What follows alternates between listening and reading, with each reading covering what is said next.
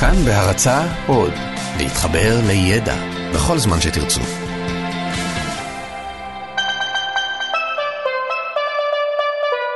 לא סופי, עם דוקטור אושי שוהם קראוס ויובל מלכי.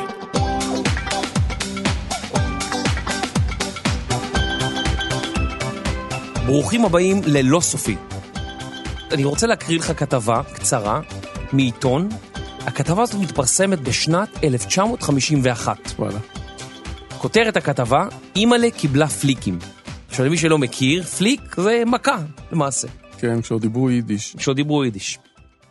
אז uh, הכתב, הוא כותב פה קצת על uh, בעיניו של מי שאינו בקיא בחוק, יראו אי אלה סעיפים כבלתי מובנים, מוזרים, אי רציונליים. למשל, לרצוח את הזולת אסור בתכלית האיסור, ואדם צפוי על כך לעונש מוות. כן, זה 1951. אך בבוא האדם לרצוח את עצמו, יש למחוקק הבנה רבה למעשה והעונש הוא קל. אלא אם כן, הצליח הניסיון, והמתאבד בא ממילא על עונשו המקסימלי. והוא כותב שאסור לאדם להכות את הזולת שלא מרצונו. מה זה אומר? אם השני מסכים שתרביץ לו, החוק לא מתנגד. אוקיי. כבר ב-1951 דיברו על זה. היו אנשים מתקדמים כבר. ואז הכתבה הולכת ומסתבכת, ובעצם מגיעה לסיפור של הכאת ילדים על ידי הוריהם. ילד הוא נכס הוריו, כן? רכושם הפרטי. כדי להוכיח שאם או אב הכו ילדם שלא כחוק, צריך לערוך חקירות ממושכות, לגבות עדויות של ידי ראייה ורופא, מאחר שאי אפשר לסמוך ביותר על עדות הקורבן עצמו מפאת הגיל. עד כאן בסדר. עכשיו שים לב מה קרה בתל אביב. אולם אותו עובר אורח בשדרות רוטשילד בתל אביב השבוע, לא חשב על כל אלה, לא היסס ולא התלבט.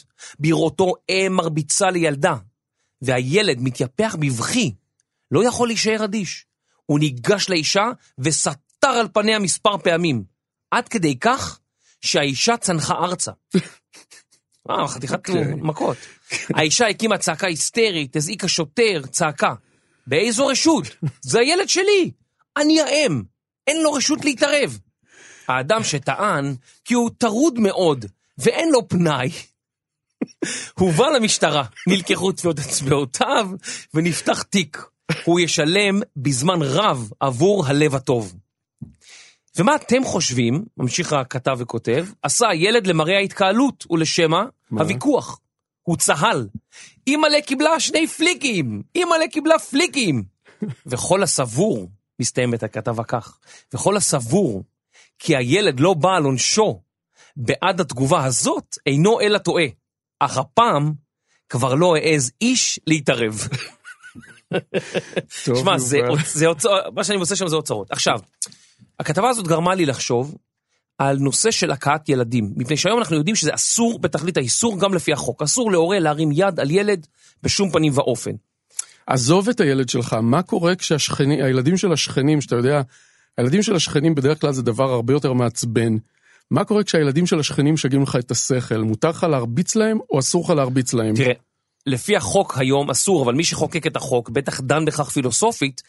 השאלה אם, אתה יודע, אתה הולך למגרש משחקים ואיזה ילד, לא יודע מה, שובר איזה ברז, אסור לך לפי החוק לגעת בו, ואם אתה מנסה להזיז אותו מהברז שהוא שובר מהוונדליזם, הוא, הוא כבר יודע להגיד לך, אדוני, עכשיו אתה הולך לכלא, אני אקרא למשטרה, זאת אומרת, הילדים היום גם קצת יותר חצופים מפעם.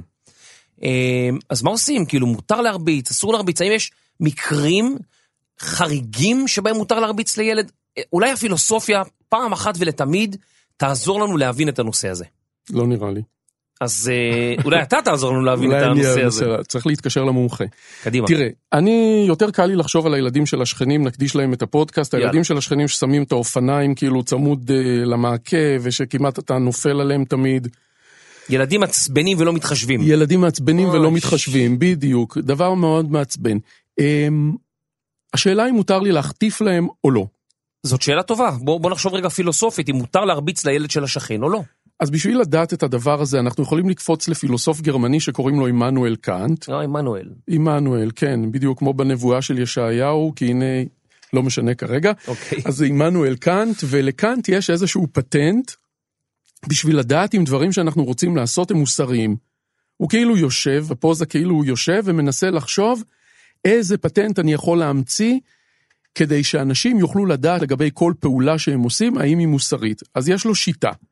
השיטה היא כזאת, אני אגיד את זה במילים אה, דוקטוריות ואחר כך במילים נורמליות. תודה. תודה.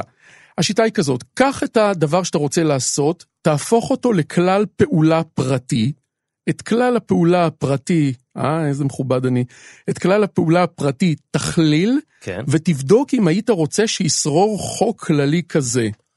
אני לוקח אה, עטיפה של סנדוויץ' וזורק אותה ברחוב. קאנט אומר את הדבר הבא, יובל עכשיו יושב כן, ומתלבט אם לזרוק את, הסן, את העטיפה. כן. יובל אומר כזה דבר, הכלל של יובל יגיד כזה דבר. כשיש ליובל עטיפה של נייר ואין פח ואף אחד לא רואה. יובל זורק את זה על הרצפה. אוקיי. זה הכלל המעשי. מצוין. עכשיו אתה צריך להכליל את זה. זאת אומרת, האם הייתי רוצה שכולם יפעלו. באותו אופן? כולם יזרקו עטיפות של. נייר? בוא נכליל. כל בן אדם שנמצא במסדרון אה, נידח ויש לו עטיפה של אה, סנדוויץ' והוא רוצה לזרוק אותה, הוא רוצה לזרוק אותה על הרצפה ואף אחד לא רואה אותו, יזרוק אותה על הרצפה.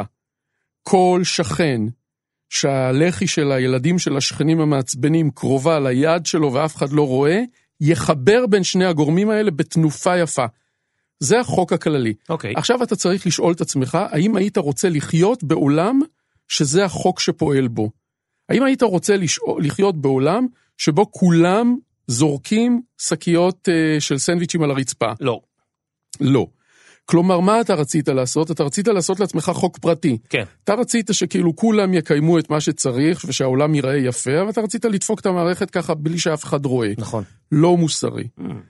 האם הייתי רוצה שכל שכן שיש ילד שמעצבן אותו יכה? לא, כי יש לי ילדים ואני לא רוצה שיכו אותם. אני לא רוצה שיהיה חוק כללי כזה. אוקיי, זאת אומרת, אבל כל עוד אנחנו גדלים באותה תרבות שמלמדת שזה לא טוב לזרוק דברים ברחוב, כי זה לכלוך, כי זה סותם את הביוב, כי, אתה יודע, יש לזה הרבה דברים, גם אסתטיקה. אם מישהו שחי בתרבות אחרת, הוא יכול לא להסכים איתנו, כאילו, הוא יכול להגיד, מה, ברור, כולם, מי שיש לו עטיפה, מה הוא יעשה עכשיו, ילך קילומטרים לאיזה פח? ברור שכולם מותר להם לזרוק על הרצפה. אז יש כאן- התנגשות של תרבויות קצת. לא, אבל קאנט אה, לא חשב בצורה כזאת, זה חשיבה קצת יותר מודרנית, וקאנט בטוח שצורת החשיבה שלו, המערבית הרציונלית, היא החשיבה הנכונה. עכשיו, אוקיי. לפעמים הוא באמת מדבר על תושבי איים הים, בים הדרומי, שהם סוג של פרימיטיביים, שהם חצי קופים, חצי חיות וכל מיני כאלה דברים, והם באמת לא דוגמה לשום דבר.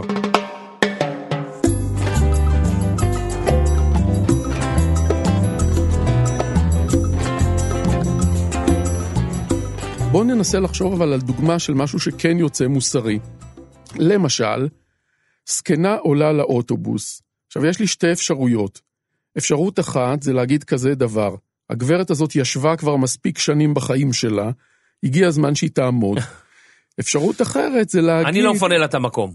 בדיוק. הדרת פני זקן, הדרת פני צעיר, מה רע? בדיוק. אפשרות שנייה זה להגיד, אני קם ונותן לה לשבת. נכון. אני רוצה לבדוק אם אני קם ונותן לה לשבת, זה דבר מוסרי או לא. אז אני אומר, אושי, כשהוא פוגש זקנה באוטובוס ואין לה מקום, הוא קם ויושב. עכשיו אני מכליל. כל בן אדם צעיר שרואה זקנה, אתה רואה, זה לא רלוונטי כבר לגביי.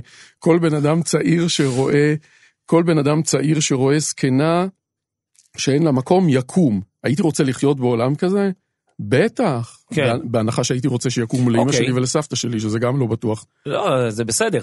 אמ, אז בעצם כל מי שמאזין לנו עכשיו, יכול בעצם להכיל את אותם חוקים על עצמו. זאת אומרת, כשהוא הולך לבצע איזשהו פעולה ואומר, אני לא יודע, זה בסדר, זה לא בסדר, רגע, הוא שנייה. צריך לעשות את האלגוריתם הזה. כן. הוא צריך לעשות את הפרוצדורה הזאת שאמרנו עם השלבים יפה, שלה. אחלה. זו שיטה כאילו נורא פשוטה, ומצד שני היא, היא מאוד יפה, כי באמת זה גורם לך לחשוב האם אתה רוצה שכולם יעשו X או Y, ולפי זה אתה מקבל את ההחלטה הפרטית שלך, זה יפה. לגמרי. אבל זה עדיין מעצבן. עדיין הילדים של השכנים מעצבנים ועדיין אתה רוצה להרביץ להם. נכון. והשאלה מה אתה עושה. מה קורה? אמרנו שאסור לך מבחינה מוסרית לפי עמנואל קאנט להרביץ לילדים של השכנים. אה, מה מה זה אמרנו? הגענו לזה. הגענו לזה.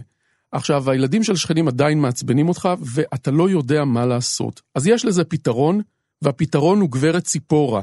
ציפורה היא ועד הבית. או, בוא נלך לפילוסוף שקוראים לו תומאס הובס, מאה ה-17, ונשמע את הסיפור שהוא מספר על בני אדם, ונראה איך זה יכול להיות רלוונטי לבניין שלנו בגבעתיים. זאת אומרת, הובס 117, חבר אותו עם ציפורה. לגמרי, לגמרי, לגמרי, וציפורה תצא כאן מאוד גדולה. יאללה. טוב, הובס מסתכל על בני אדם, עלינו, ואומר, אנחנו חיות. ואז הוא אומר כזה דבר, פעם, פעם, פעם, מהמם. כולנו, בני האדם, חיינו לא בצורה מאורגנת כמו עכשיו בצורה חברתית או בצורה מדינית, אלא חיינו בעולם פראי כזה, שבטי יותר. אפילו לא שבטי, חיינו בלי שום ארגון. אוקיי. הוא קורא לזה המצב הטבעי. בני אדם פעם היו במצב הטבעי שלהם לפני שהם נכנסו למצב המדיני. עכשיו, איך נראה המצב? מצב הטבעי, מצב טבע, כאילו, מ... מצב טבע שבו אנשים פועלים לפי התכונות הטבעיות שלהם והמוסר הטבעי שלהם. אוקיי. מה התכונות של בני אדם? הם בעלי חיים. מה הם רוצים? סקס, אוכל וכמה שיותר מכל דבר. לשרוד בגדול. בדיוק, כן. אבל שיהיה להם גם טוב ויותר מכל דבר ורכוש. מה קורה כשאתה שם, נגיד אתה לוקח עשרת אלפים אנשים, זורק אותם, שהם, כמו שהובס מתאר אותם, חיות אדם כאלה, זורק אותם לעולם שאין בו מספיק משאבים. נהיית מלחם, מלחמה של אחד בשני, אחד מוציא לשני את העיניים, את האוזניים, מה שאתה רוצה, זה מה שאומר לנו הובס, קורא לזה מלחמת הכל בכל. אתה איתי? אני איתך. אוקיי. זה אה, מפחיד אותי, בגלל זה אני כזה, אני מחכה ל... אתה מחכה לפואנטה. כן, מה קורה? הפואנטה היא כזאת, לא, האמת, ניסיתי לשים את עצמי באותה סיטואציה. אמרתי, כאילו, אתה יודע, מצד אחד, בעולם אה, שהוא אה, אידיאלי כזה, אוטופי, אז אתה אומר, בוא נכנס את כולם, נגיד יש איקס משאבים, נחלק שווה בשווה, אבל תמיד יהיה מישהו שוב אתה. גונב לי את מה שאני רוצה להגיד בקרוב. אה, באמת? כן, חכה עכשיו. לא, רק דיברתי עליי, אבל ממש הגעתי לשם למצב הטבע, נכנסתי כאילו במשפחה שלי, ואז התחלתי לראות איך זה נראה. אני איתך, סליחה. אתה איתי. בני האדם הם אגואיסטים כן. במצב הטבע, הם כמו בעלי חיים. הם, מה הם רוצים? רוצים כמה שיותר סקס, כמה שיותר אוכל, כמה שיותר לשרוד וכולי. מהמם. בני האדם קולטים שמה שקורה עכשיו במצב הזה לא לטובתם. הם מתים צעירים, אחד הורג את השני, אחד גונב לשני, אין להם כלום. המצב הטבעי הזה שבו כל אחד נלחם בשני, הורס אותם, ובעצם מקלקל להם את הדברים שהם רצו בכלל להשיג בהתחלה. אבל, אומר לנו אובס, בני האדם הם לא סתם בעלי חיים, הם בעלי חיים מסוג מסוים, הם בעלי חיים רציונליים. בעלי חיים רציונליים. יעני עם שכל, אבל עם אנחנו היגיון. היחידים, או מה אומר הובס? הוא לא מדבר אם לדולפינים יש שכל או לא, זה לא מטריד לא שם, אותו. 117. אנחנו לא שם. בדיוק, לא מטריד אותו דולפינים. אמ, אומר רובס, אנחנו מבינים שככה לא יכולים להמשיך. מה אנחנו עושים? כולנו מבינים את זה. אנחנו הולכים לקרחת יער, עכשיו זה בדמיון שלי, כמו בפוע דוב כזה עם איה וכל אלה. אנחנו יושבים כולנו בקרחת יער, כן, במעגל, במעגל, מחזיקים ידיים. נגיד, כן. מבינים כולנו שככה זה לא יכול להימשך, כי כל אחד מאיתנו דופק את עצמו בעצם אם הדברים נמשכים ככה. כן. מה השיטה שלנו? אנחנו אומרים כזה דבר, כל אחד מאיתנו מוכן לוותר על הזכות שלו לעשות כל דבר. אוקיי. להרוג את השני, לדפוק את השני, לפצוע את השני, לגנוב מהשני, ובתנאי שכל האחרים גם יוותרו. ואז מה אנחנו צריכים לעשות? אנחנו ממנים עלינו ריבון, שליט אבסולוטי, חזק, שיש לו את כל התנאים לשבת עלינו, לרדות בנו ולשמור עלינו, שלא נידרדר יותר למצב הטבעי. זאת אומרת, אנחנו לא מסוגלים בתור אנשים בלי מנהיג ללכת באיזושהי דרך מסוימת, אנחנו ממנים מישהו, הוא יכתיב לנו את החוקים, וככה יישמר הסדר. בדיוק, אנחנו חיות, אם אנחנו נהיה בלי מנהיג, בלי מישהו שישב עלינו, אנחנו נהרוג אחד את השני. אנחנו ממנים מישהו שישב עלינו, וכל החוקים שלו לגיטימיים. אנחנו חייבים לציית, ובתנאי שגם אחרים יצייתו. זאת אומרת, מישהו כמו צ'יף, או מוכתר, או שייח, או בג"ץ. או ציפורה מוועד הבית. הוא. בוא, נד... בוא נראה איך זה הולך ככה. מלחמת הכל בכל בבית. מה, כל הדיירים בכסח? הילד של השכנים כן, חוסם אותי עם האופניים, אני מכה אותו. לא בסדר. אבא לא של בסדר. הילד, אבא של הילד מכה אותי. ברור. בא אבא שלי מכה אותו, בא. אבא שלו מכה אותי, אה. וכולי וכולי. מלחמת הכל בכל. כן. אנחנו יושבים, עושים אספת ועד. כל השכנים נכנסים, מכות, חבורות, כולם עם אה, פצעים כחולים, אה, פנסים בעין, מתיישבים. ומבינים שאי אפשר ללכת... אה, ככה אי אפשר ככה להמשיך. אי אפשר להמשיך. ואז אי אני אפשר אומר, להמשיך. ואז אני אומר, אני מוכן לא להרביץ לילדים שלך, בתנאי שאתה לא תרביץ לילדים שלי, בתנאי, בתנאי, אבל אנחנו לא בוטחים אחד בשני. Mm. הוא לא באמת יפסיק להרביץ, הוא בטח ירביץ להם. ואז אנחנו מבינים שאנחנו צריכים לקחת את הקלפטה של הבניין, למנות אותה לסוהרת הראשית של הבית, ואוי ואבוי למי שלא יציית לחוקים שלה, וזאת השיטה שלנו, לפחות זאת השיטה של הובס. משטרה. משטר משטרתי משטרי. כן. כן, הגדרה מעולה זאת הייתה. משטר משטרתי משטרי. משטרתי, כן, משטרתו. משטרתו. אוקיי, אז זה הקטע של הובס.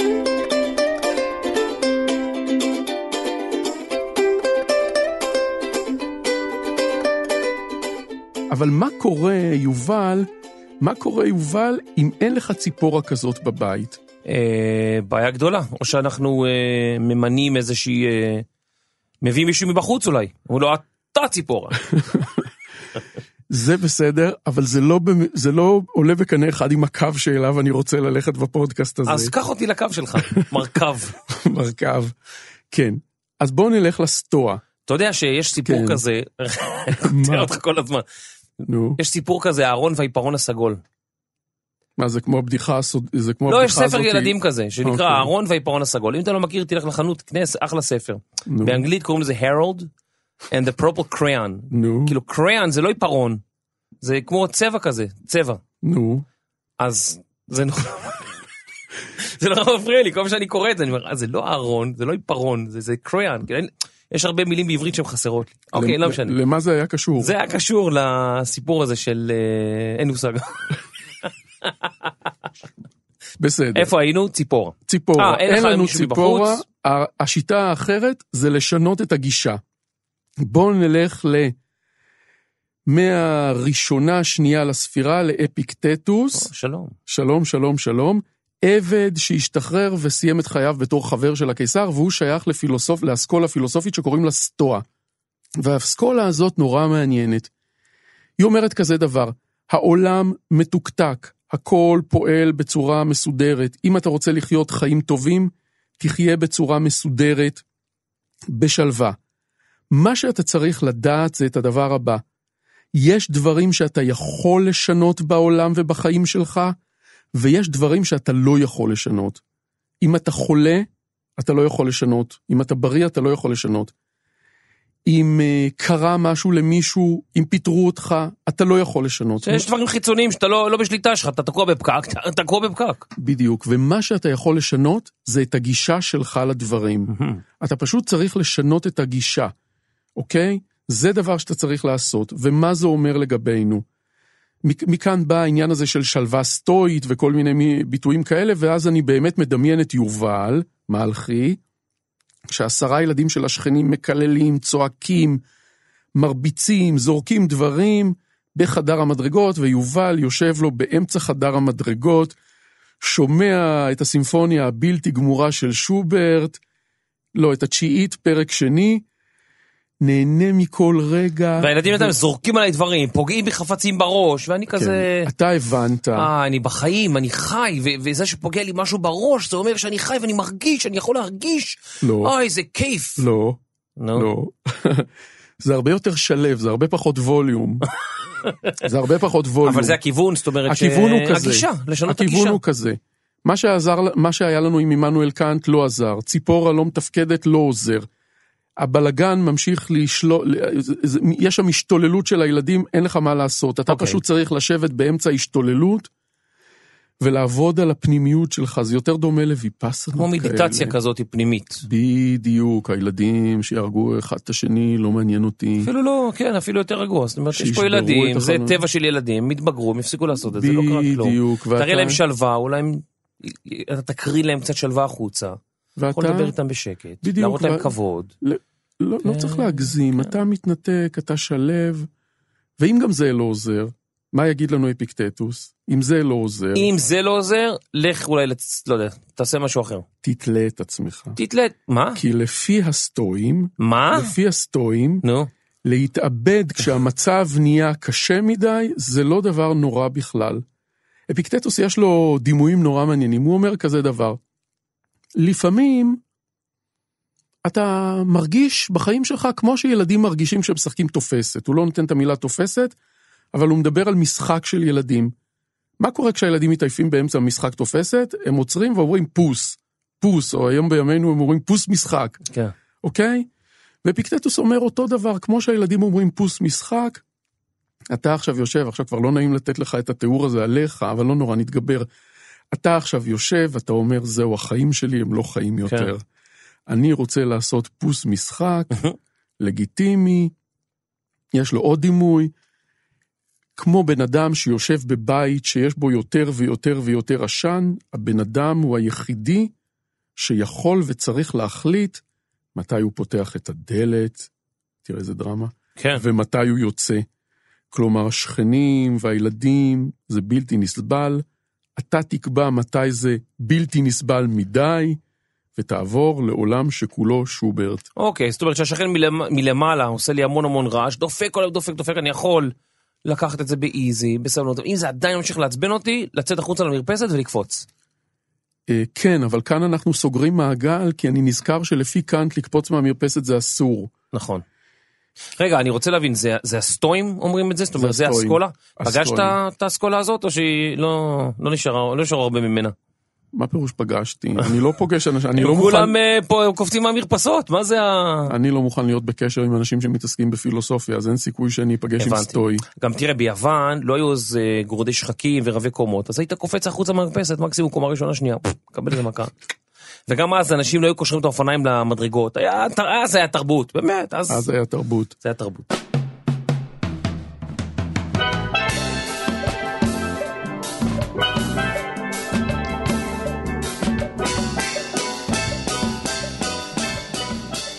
טוב, תיפרד ממני בנימוס. מה באמת? כן. אמ, למה, נשאר עוד מלא זמן שצריך למלא? לא, אבל בוא תן לי איזה סגיר, סגור לי את התוכנית הזאת. אין כמו ילדים. אחד, למדנו ממך שאם אתה רוצה לעשות איזשהו משהו ואתה לא יודע אם זה בסדר, זה לא בסדר, עזוב רגע את החוק, עזוב רגע את החוק, החוק נקבע על פי הפילוסופיה ולא הפוך. תחשוב רגע, האם היית רוצה שכולם יעשו את אותו דבר? זה אחד. נכון, זה עמנואל קאנט. זה עמנואל קאנט. ואפיקטטוס, מה שהוא אומר לנו, זה קחו את החיים יותר באיזי. זאת אומרת, אם תשנו את הגישה, תשנו את הגישה, גם כש... או במיוחד כשאתם לא יכולים לשנות את המציאות. אני סיפרתי לך מה קרה לי באוטובוס בשבוע שעבר. לא ידעתי שאתה נוסע באוטובוס. לפעמים אני נוסע באוטובוס. אוקיי, זה כבר אה, בעיה. אני אסיים עם הסיפור הזה. כן, אוקיי. אני הבנתי, כחלק מהדיונים שאנחנו עושים כאן הפילוסופים, שרגשות ותחושות הם דברים לא אמיתיים. כי אתה יכול ברגע אחד לעבור מתחושה לתחושה. לתחושה. עכשיו תשמע מה קרה לי, נסעתי ב... לא סיפרתי את זה כאן, סיפרתי את זה לכל מי שאני מכיר, רק לא פה, אני אספר את זה גם פה. אוקיי. נסעתי באוטובוס, אה, עליתי ככה לאוטובוס ומלא אנשים עולים עולים עולים, והנהג מחזיק כזה את החוט של הדיבורית כזה ליד הפה ומדבר. ואתה אומר, כאילו, אתה יודע, איזה מין שירות זה? אתה יודע, בן אדם נוהג באוטובוס, אנשים מחכים לעודף, ורואים ביד אחת כאילו מחזיק את הדיבורית קרוב לפה ומדבר בלחש, וזה עצבן אותי. אתה יודע, אתה, בכל זאת, שירות בסיסי. בן אדם עובד באוטובוס, צריך להתרכז בכביש, בנוסעים שעולים, נורא מרגיז. נו, וככה אני מתקרב לתור שלי לקבל כרטיס, והזעם עולה ועולה, וכבר אני מרגיש בבטן. וזה עולה לגרון, ואני נו. כבר... בא לי גם להגיד לו משהו, לא קשור בטלפון, ואז כשאני נותן לו את הכסף, הוא נותן לי עודף, אני שומע אותו אומר, אין מה לעשות, אתה ילד בן שמונה, אתה גדול, אמא כבר יצאה לעבודה, אני בעבודה, תמצא את זה, ויאללה, לבית ספר. ואז אני אומר, רגע, מה?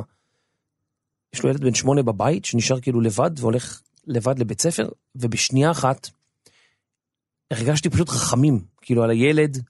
לא כעסתי על כלום, כאילו, עברתי אשכרה ממצב של כעס כזה נוראי, למצב של כאילו, וואו, אני מרגיש כאילו, בא לי לבכות, כאילו, תוך שנייה. והבנתי באותו רגע שכל הרגשות האלה שאנחנו מרגישים קנאה וכעס, ו... זה הכל מומצא, זה הכל שטויות. איך אומרים משינה? מה? איך אומרים משינה? משינה? יש להם שיר, נכון? אה, משינה, הלהקה הזאת. הוא אמר לפלסטינה, גמל, נכון? משהו עם האישה, תשנה את הגישה. אוקיי. אז זהו. אז תשנו את הגישה, נסו לחשוב על טובת הכלל, ואושי, תודה רבה שהארת את עינינו ואת מוחנו, ואנחנו נשוב ונתראה בפרק הבא, וזה לא איום, זו הבטחה. תודה. להתראות.